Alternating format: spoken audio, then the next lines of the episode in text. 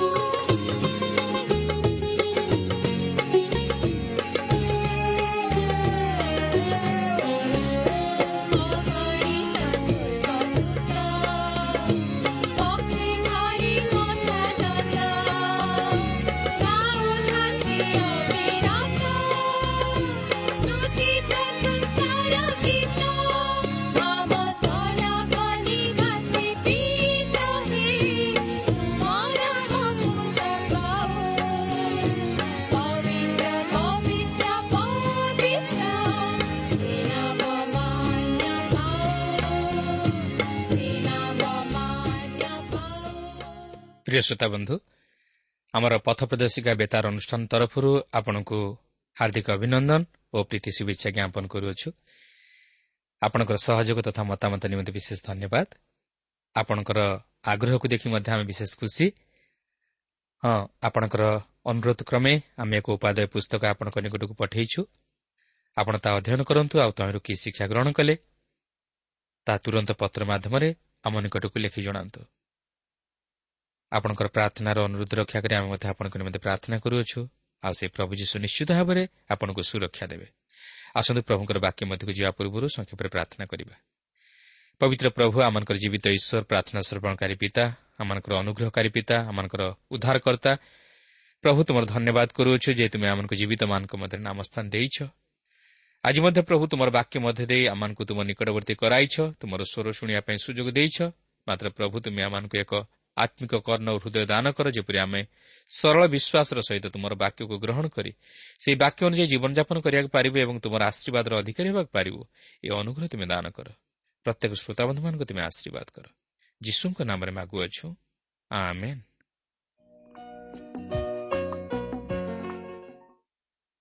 ଆସନ୍ତୁ ବର୍ତ୍ତମାନ ଆମେ ପ୍ରଭୁଙ୍କର ବାକ୍ୟ ମଧ୍ୟକୁ ଯିବା। ଆଜି ଆମେ ପ୍ରେରିତ ଆଠ ପର୍ବର ଛବିଶ ପଦରୁ ଆରମ୍ଭ କରି ନଅ ପର୍ବର ନଅ ପଦ ପର୍ଯ୍ୟନ୍ତ ଅଧ୍ୟୟନ କରିବା ନିମନ୍ତେ ଯିବା। ଆପଣଙ୍କର ମନେଥିବ ଯେ ଗତ ଆଲୋଚନାରେ ଆମେ ଦେଖିଥିଲୁ ସମୀରଣରେ ଫିଲିପଙ୍କ ଦ୍ୱାରା ସୁସମାଚାର ପ୍ରଚାରିତ ହେଲା ଓ ଅନେକ ଲୋକ ପ୍ରଭୁ ଯୀଶୁଖ୍ରୀଷ୍ଟଙ୍କଠାରେ ବିଶ୍ୱାସ କରି ପିତର ଓ ଜୋହନଙ୍କ ଦ୍ୱାରା ପବିତ୍ର ଆତ୍ମାରେ ବାପ୍ତିଜିତ ହେଲେ।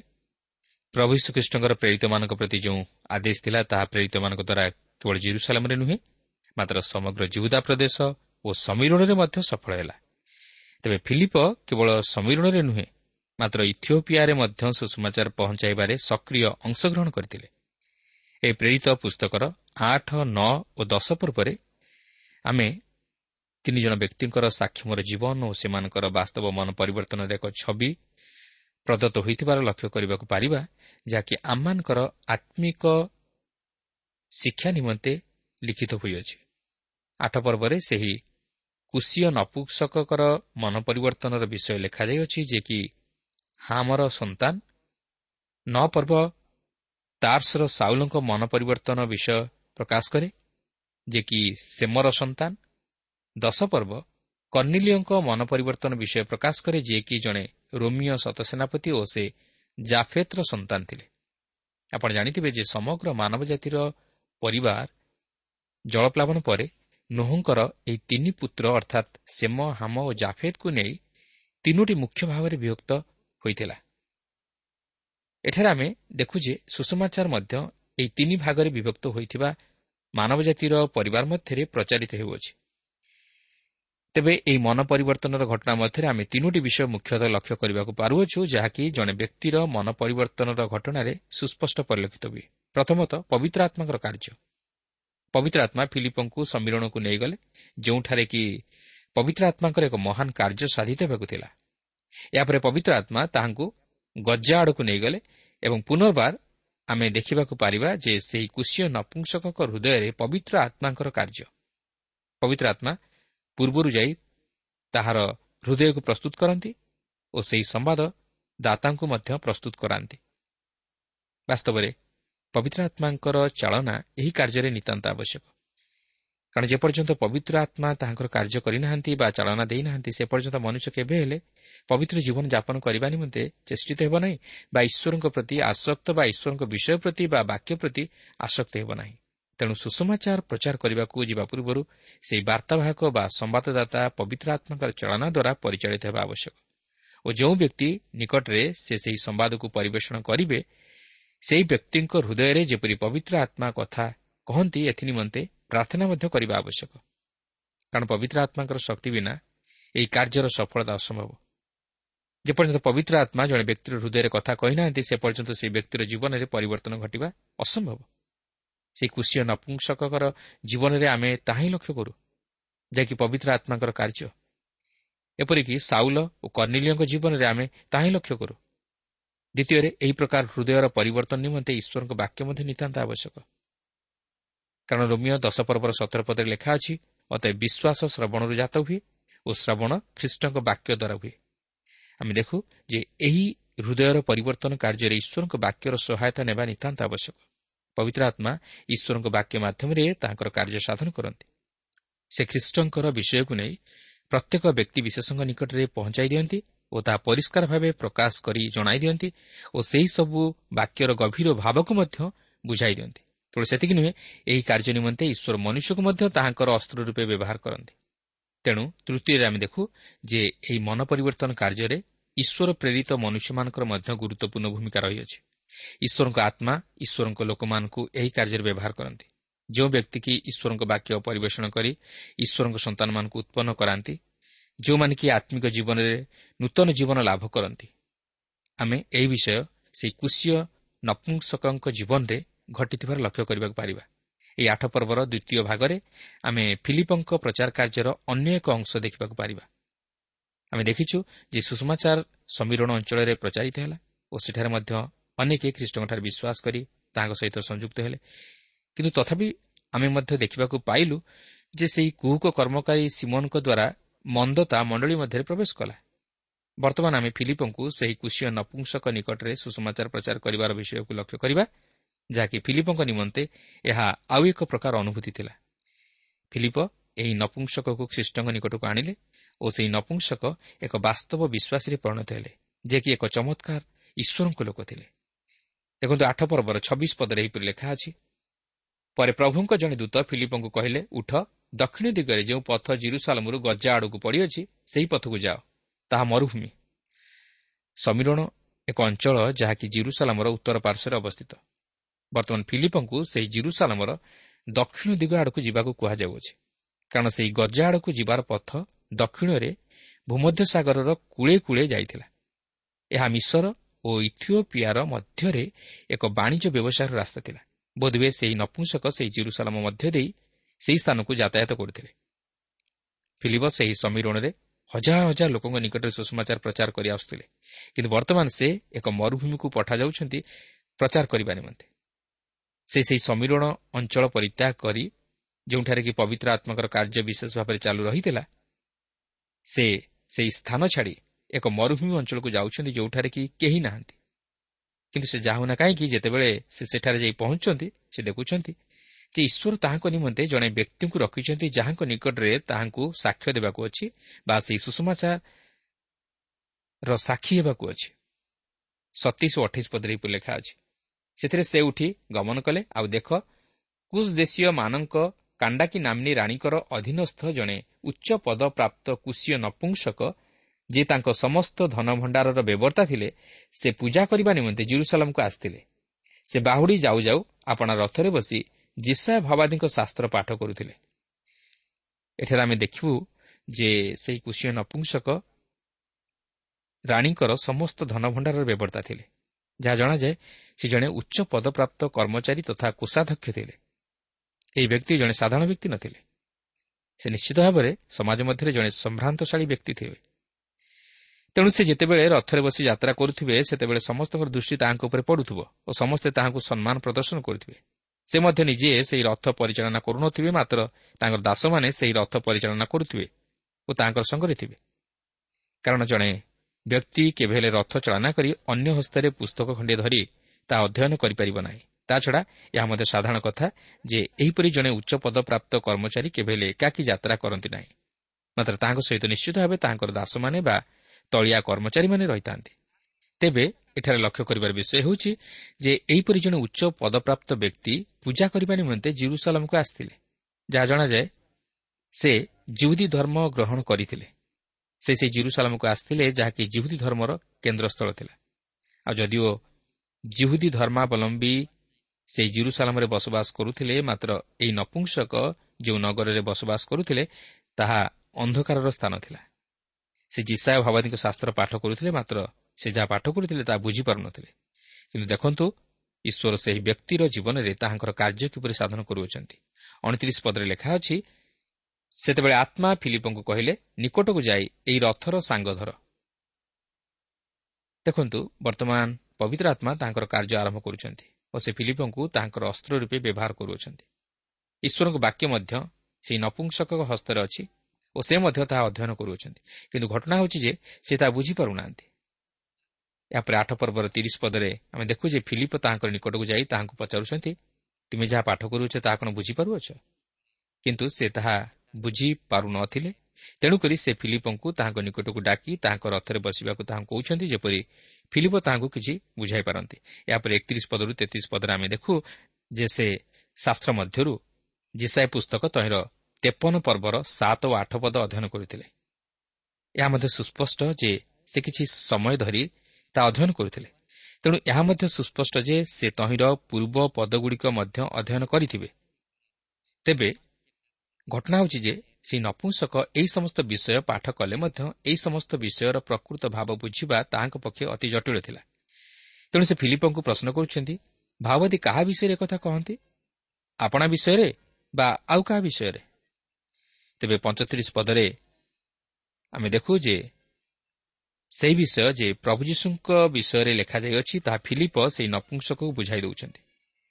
ପ୍ରଭୁ ଯୀଶୁ ଖ୍ରୀଷ୍ଟ ପାପୀମାନଙ୍କ ନିମନ୍ତେ ମୃତ୍ୟୁଭୋଗ କରି ମୃତ୍ୟୁରୁ ପୁନରୁଦ୍ଧିତ ହେବାରେ ଏହା ଯେ ସଫଳ ହୋଇଅଛି ତାହା ଫିଲିପ ତାହାଙ୍କୁ ବୁଝାଇ ଦିଅନ୍ତି। ବାସ୍ତବରେ ଯିଶା ଭାବଦୀ ପ୍ରଭୁ ଶ୍ରୀଖ୍ରୀଷ୍ଟଙ୍କ ବିଷୟ ନେଇ ପୂର୍ବରୁ ଯେଉଁ ଭାବଣୀ ପ୍ରକାଶ କରିଥିଲେ ତାହା ଆକ୍ଷରିକ ଭାବେ ପ୍ରଭୁ ଯୀଶୁଖ୍ରୀଷ୍ଟଙ୍କର ଏହି ଜଗତକୁ ଆଗମନ କରି ସେ କୃଷି ଓ ମୃତ୍ୟୁଭୋଗ କରିବାରେ ସଫଳ ହେଲା। ଏହା କିନ୍ତୁ ସେଦିନ ସେହି ନପୁଂସକ ବୁଝି ନ ପାରିଲେ ମଧ୍ୟ ପବିତ୍ର ଆତ୍ମା ଫିଲିପଙ୍କ ମୁଖ ଦ୍ୱାରା ତାହାଙ୍କୁ ତହିଁର ଅର୍ଥ ବୁଝାଇ ଦେଇଥିଲେ। ପବିତ୍ର ଆତ୍ମା ଈଶ୍ୱରଙ୍କ ବାକ୍ୟର ଗଭୀର ଅର୍ଥ ଫିଲିପଙ୍କୁ ଜଣାଇଦେଲେ। ଆଉ ଫିଲିପଙ୍କ ଦ୍ୱାରା ସେହି ନପୁଂସକୁ ସେ ବୁଝାଇ ଦେଲେ କାରଣ ତାହାଙ୍କୁ ଉଦ୍ଧାର କରିବା ନିମନ୍ତେ ଈଶ୍ୱରଙ୍କର ଯୋଜନା ଥିଲା ଓ ସେ ଏହି ପ୍ରକାରେ ତାହାଙ୍କୁ ଉଦ୍ଧାର କଲେ। ଏହା ଥିଲା ପବିତ୍ର ଆତ୍ମାଙ୍କର କାର୍ଯ୍ୟ ଯାହାକି ସେ ଈଶ୍ୱରଙ୍କ ବାକ୍ୟର ପ୍ରକୃତ ଭାବକୁ ଫିଲିପଙ୍କ ମୁଖ ଦ୍ୱାରା ସେହି ନପୁଂସଙ୍କ ନିକଟରେ ପ୍ରକାଶ କରି ତାହାଙ୍କୁ ଉଦ୍ଧାର କରିଥିଲେ ଓ ସେଦିନ ସେହି ନପୁଂସଙ୍କ ଜୀବନରେ ବାସ୍ତବ ପରିବର୍ତ୍ତନ ଦେଖାଯାଇଥିଲା। ତେବେ ଦେଖନ୍ତୁ ଯେତେବେଳେ ପବିତ୍ର ଆତ୍ମା ଈଶ୍ୱରଙ୍କ ବାକ୍ୟ ମଧ୍ୟ ଦେଇ ଆମମାନଙ୍କ ହୃଦୟରେ କଥା କହନ୍ତି ସେତେବେଳେ କ'ଣ ଘଟେ? ଏହାର ଉତ୍ତର ଆମେ ଏହି ନପୁଂସଙ୍କ ଜୀବନରୁ ପାଇପାରିବା। ଛତିଶ ସଇଁତିରିଶ ପଦରେ ଲେଖା ଅଛି ଆଉ ସେମାନେ ପଥରେ ଯାଉ ଯାଉ କୌଣସି ଗୋଟିଏ ଜଳାଶୟ ନିକଟରେ ଉପସ୍ଥିତ ହେଲେ ସେଥିରେ ନପୁଂସକ କହିଲେ ଏଠାରେ ତ ଜଳ ଅଛି। ମୋର ବାପ୍ତିଜିତ ହେବା ନିମନ୍ତେ କ'ଣ ବାଧା ଅଛି? ଫିଲିପ କହିଲେ ଆପଣ ସମସ୍ତ ଅନ୍ତଃକରଣ ସହିତ ଯଦି ବିଶ୍ୱାସ କରନ୍ତି ତାହେଲେ ହୋଇପାରେ। ସେଥିରେ ସେ ଉତ୍ତର ଦେଲେ ଯୀଶୁଖ୍ରୀଷ୍ଟ ଯେ ଈଶ୍ୱରଙ୍କ ପୁତ୍ର ଏହା ମୁଁ ବିଶ୍ୱାସ କରୁଅଛି। ଆପଣ ଦେଖନ୍ତୁ ଏହି ଲୋକମାନେ ସେହି ରଥରେ ବସିଥିଲେ। ଓ ଈଶ୍ୱରଙ୍କ ବାକ୍ୟ ବିଷୟ ନେଇ ଆଲୋଚନା କରୁଥିଲେ ଓ ଫିଲିପ ସେହି ନପୁଂସକକୁ ପ୍ରଭୁ ଯୀଶୁଙ୍କ ବିଷୟରେ ସମସ୍ତ ବିଷୟ ଜଣାଇଦେଲେ। ତେଣୁ ଏହି ସମସ୍ତ ବିଷୟ ଶୁଣିବା ପରେ ନପୁଂସକ ଖ୍ରୀଷ୍ଟ ଯୀଶୁଙ୍କଠାରେ ବିଶ୍ୱାସ କରି ବାପ୍ତିଷ୍ମ ନେବା ନିମନ୍ତେ ସ୍ଥିର କଲେ। କିନ୍ତୁ ଏଠାରେ ଫିଲିପ ନପୁଂସକଙ୍କୁ ଏହିପରି କହିବା ପଛରେ ଏକ କାରଣ ଥିଲା। କାରଣ ସେ ସେହି କୁହୁକୁ କର୍ମକାରୀ ସିମନଙ୍କ ଜୀବନରୁ ଯେଉଁ ଅନୁଭୂତି ଲାଭ କରିଥିଲେ ତାହା ଯେପରି ପୁନର୍ବାର ଏହି ନପୁଂସକଙ୍କ ଜୀବନରେ ନ ଘଟେ ଏଥି ନିମନ୍ତେ ସେ ଅତି ସତର୍କ ଥିଲେ। ତେଣୁକରି ସେ ନପୁଂସକଙ୍କୁ କହନ୍ତି ଆପଣ ସମସ୍ତ ଅନ୍ତଃକରଣ ସହିତ ଯଦି ବିଶ୍ୱାସ କରନ୍ତି ତାହେଲେ ହୋଇପାରେ। ଅର୍ଥାତ୍ ତାହେଲେ ତୁମେ ବାପ୍ତିଷ୍ମ ନେଇପାର। ଫିଲିପ ଏଠାରେ ନପୁଂସକଙ୍କର ବାସ୍ତବ ହୃଦୟର ପରିବର୍ତ୍ତନ ହୋଇଛି କି ନାହିଁ ଓ ସେ ପ୍ରଭୁ ଯୀଶୁଖ୍ରୀଷ୍ଟଙ୍କଠାରେ ସମ୍ପୂର୍ଣ୍ଣ ବିଶ୍ୱାସ କରନ୍ତି କି ନାହିଁ ତାହାର ମତାମତ ଜାଣିବାକୁ ଚାହାନ୍ତି। ଆଉ ନପୁଂସକ ମଧ୍ୟ ଅତି ସୁନ୍ଦର ମତାମତ ଦିଅନ୍ତି ଯାହାକି ଫିଲିପ ନପୁଂସକଙ୍କ ମୁଖରୁ ଶୁଣିବା ନିମନ୍ତେ ଅପେକ୍ଷା କରିଥିଲେ ଓ ସେହି ମତାମତ ଥିଲା ଯୀଶୁଖ୍ରୀଷ୍ଟ ଯେ ଈଶ୍ୱରଙ୍କ ପୁତ୍ର ଏହା ମୁଁ ବିଶ୍ୱାସ କରୁଅଛି। ଆଜି କ'ଣ ଆମେ ପ୍ରଭୁ ଯୀଶୁଖ୍ରୀଷ୍ଟଙ୍କୁ ଈଶ୍ୱରଙ୍କ ପୁତ୍ର ବୋଲି ବିଶ୍ୱାସ କରୁଅଛୁ? ପ୍ରଭୁ ଆଜି ଆମମାନଙ୍କ ଜୀବନରୁ ସେହି ସ୍ୱୀକାରୋକ୍ତି ଚାହାନ୍ତି। ଏହାପରେ ଦେଖନ୍ତୁ ନପୁଂସକ କ'ଣ କରିବା ନିମନ୍ତେ ଯାଉଅଛନ୍ତି। ଅଠତିରିଶ ଓ ଅଣଚାଳିଶ ପଦରେ ଲେଖା ଅଛି ଯେ ନପୁଂସକ ବାପ୍ତିଷ୍ମ ଗ୍ରହଣ କଲେ ଓ ସେ ଆନନ୍ଦ କରୁ କରୁ ଆପଣା ସ୍ଥାନକୁ ଚାଲିଗଲେ। ସେ ସେହି ଇଥିଓପିଆ ଅଞ୍ଚଳକୁ ଚାଲିଗଲେ ଯାହାକି ଉତ୍ତର ଆଫ୍ରିକାର ଅଞ୍ଚଳ। ଏହା ମଧ୍ୟ ଅତି ସୁସ୍ପଷ୍ଟ ଯେ ତାହାଙ୍କ ଦ୍ୱାରା ଇଥିଓପିଆରେ ମଧ୍ୟ ଖ୍ରୀଷ୍ଟୀୟ ମଣ୍ଡଳୀ ଗଢ଼ି ଉଠିଥିଲା। ବା ଆମେ କହିପାରିବା ଯେ ଉତ୍ତର ଆଫ୍ରିକା ଅଞ୍ଚଳରେ ମଣ୍ଡଳୀ ବିସ୍ତାରିତ ହେବାକୁ ଲାଗିଲା। ବର୍ତ୍ତମାନ ଆମେ ଫିଲିପଙ୍କ ପ୍ରତି ଟିକେ ଦୃଷ୍ଟି ଦେବା। ନପୁଂସକ ସିନା ଇଥିଓପିଆକୁ ଚାଲିଗଲେ? ମାତ୍ର ଫିଲିପ କେଉଁ ଆଡ଼େ ଗଲେ? ଚାଳିଶ ପଦରେ ଲେଖା ଅଛି ଯେ ଫିଲିପ ଅଜଦରୁ କାଇସରିଆକୁ ଯାଇ ସେଠାରେ ମଧ୍ୟ ସୁଷମାଚାର ପ୍ରଚାର କଲେ। ଦେଖନ୍ତୁ ସୁଷମାଚାର କିପରି ବିଭିନ୍ନ ସ୍ଥାନରେ ପ୍ରଚାରିତ ହେବାକୁ ଲାଗିଲା। ଏହା କେବଳ ଜିରୁସାଲମ ବା ଜିହୁଦା ବା ସମୀରଣ ଅଞ୍ଚଳରେ ସୀମିତ ହୋଇ ରହିଲା ନାହିଁ। ମାତ୍ର ଏହା ବିଭିନ୍ନ ଅଞ୍ଚଳରେ ପ୍ରଚାରିତ ହେବାକୁ ଲାଗିଲା ଓ ମଣ୍ଡଳୀର ଅଭିବୃଦ୍ଧି ଘଟିଲା ଯଦ୍ୱାରା ଆଜି ମଧ୍ୟ ଆମମାନେ ସେହି ସୁଷମାଚାର ଶୁଣିବାର ସୁଯୋଗ ପାଇଅଛୁ ଓ ପାପରୁ ଉଦ୍ଧାର ପାଇବାର ପଥ ମଧ୍ୟ ପାଇଅଛୁ। କିନ୍ତୁ ଆମମାନେ ସେହି ସୁଷମାଚାରରେ ଅର୍ଥାତ୍ ପ୍ରଭୁ ଯୀଶୁ ଖ୍ରୀଷ୍ଟଙ୍କ ମୃତ୍ୟୁ ଓ ପୁନରୁତ୍ଥାନରେ ଯଦି ବିଶ୍ୱାସ କରି ଖ୍ରୀଷ୍ଟଙ୍କୁ ନିଜର ଉଦ୍ଧାରକର୍ତ୍ତା ରୂପେ ଗ୍ରହଣ କରି ବାପ୍ତିଷ୍ମ ଗ୍ରହଣ କରୁ ତାହେଲେ ଆମେ ସେହି ଅନନ୍ତ ଜୀବନର ଅଧିକାରୀ ହେବା ସଙ୍ଗେ ସଙ୍ଗେ ଖ୍ରୀଷ୍ଟଙ୍କ ସହିତ ସହଭାଗିତା ସ୍ଥାପନ କରି ଖ୍ରୀଷ୍ଟୀୟ ମଣ୍ଡଳୀର ଅନ୍ତର୍ଭୁକ୍ତ ହୋଇପାରିବା। ବର୍ତ୍ତମାନ ଆମେ ପ୍ରେରିତ ପୁସ୍ତକର ନଅ ପର୍ବ ମଧ୍ୟକୁ ଯିବା।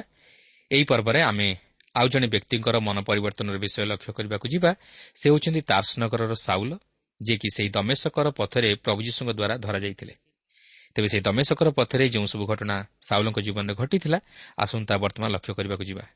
ନଅ ପର୍ବର ପ୍ରଥମ ଦୁଇ ପଦରେ ଏହିପରି ଲେଖା ଅଛି କିନ୍ତୁ ସାଉଲ ଏପର୍ଯ୍ୟନ୍ତ ସୁଦ୍ଧା ପ୍ରଭୁଙ୍କ ଶିଷ୍ୟମାନଙ୍କ ବିରୁଦ୍ଧରେ ଭୟ ଓ ପ୍ରାଣନାଶର କଥା କହି ମହାଜାଜଙ୍କ ନିକଟକୁ ଗଲେ।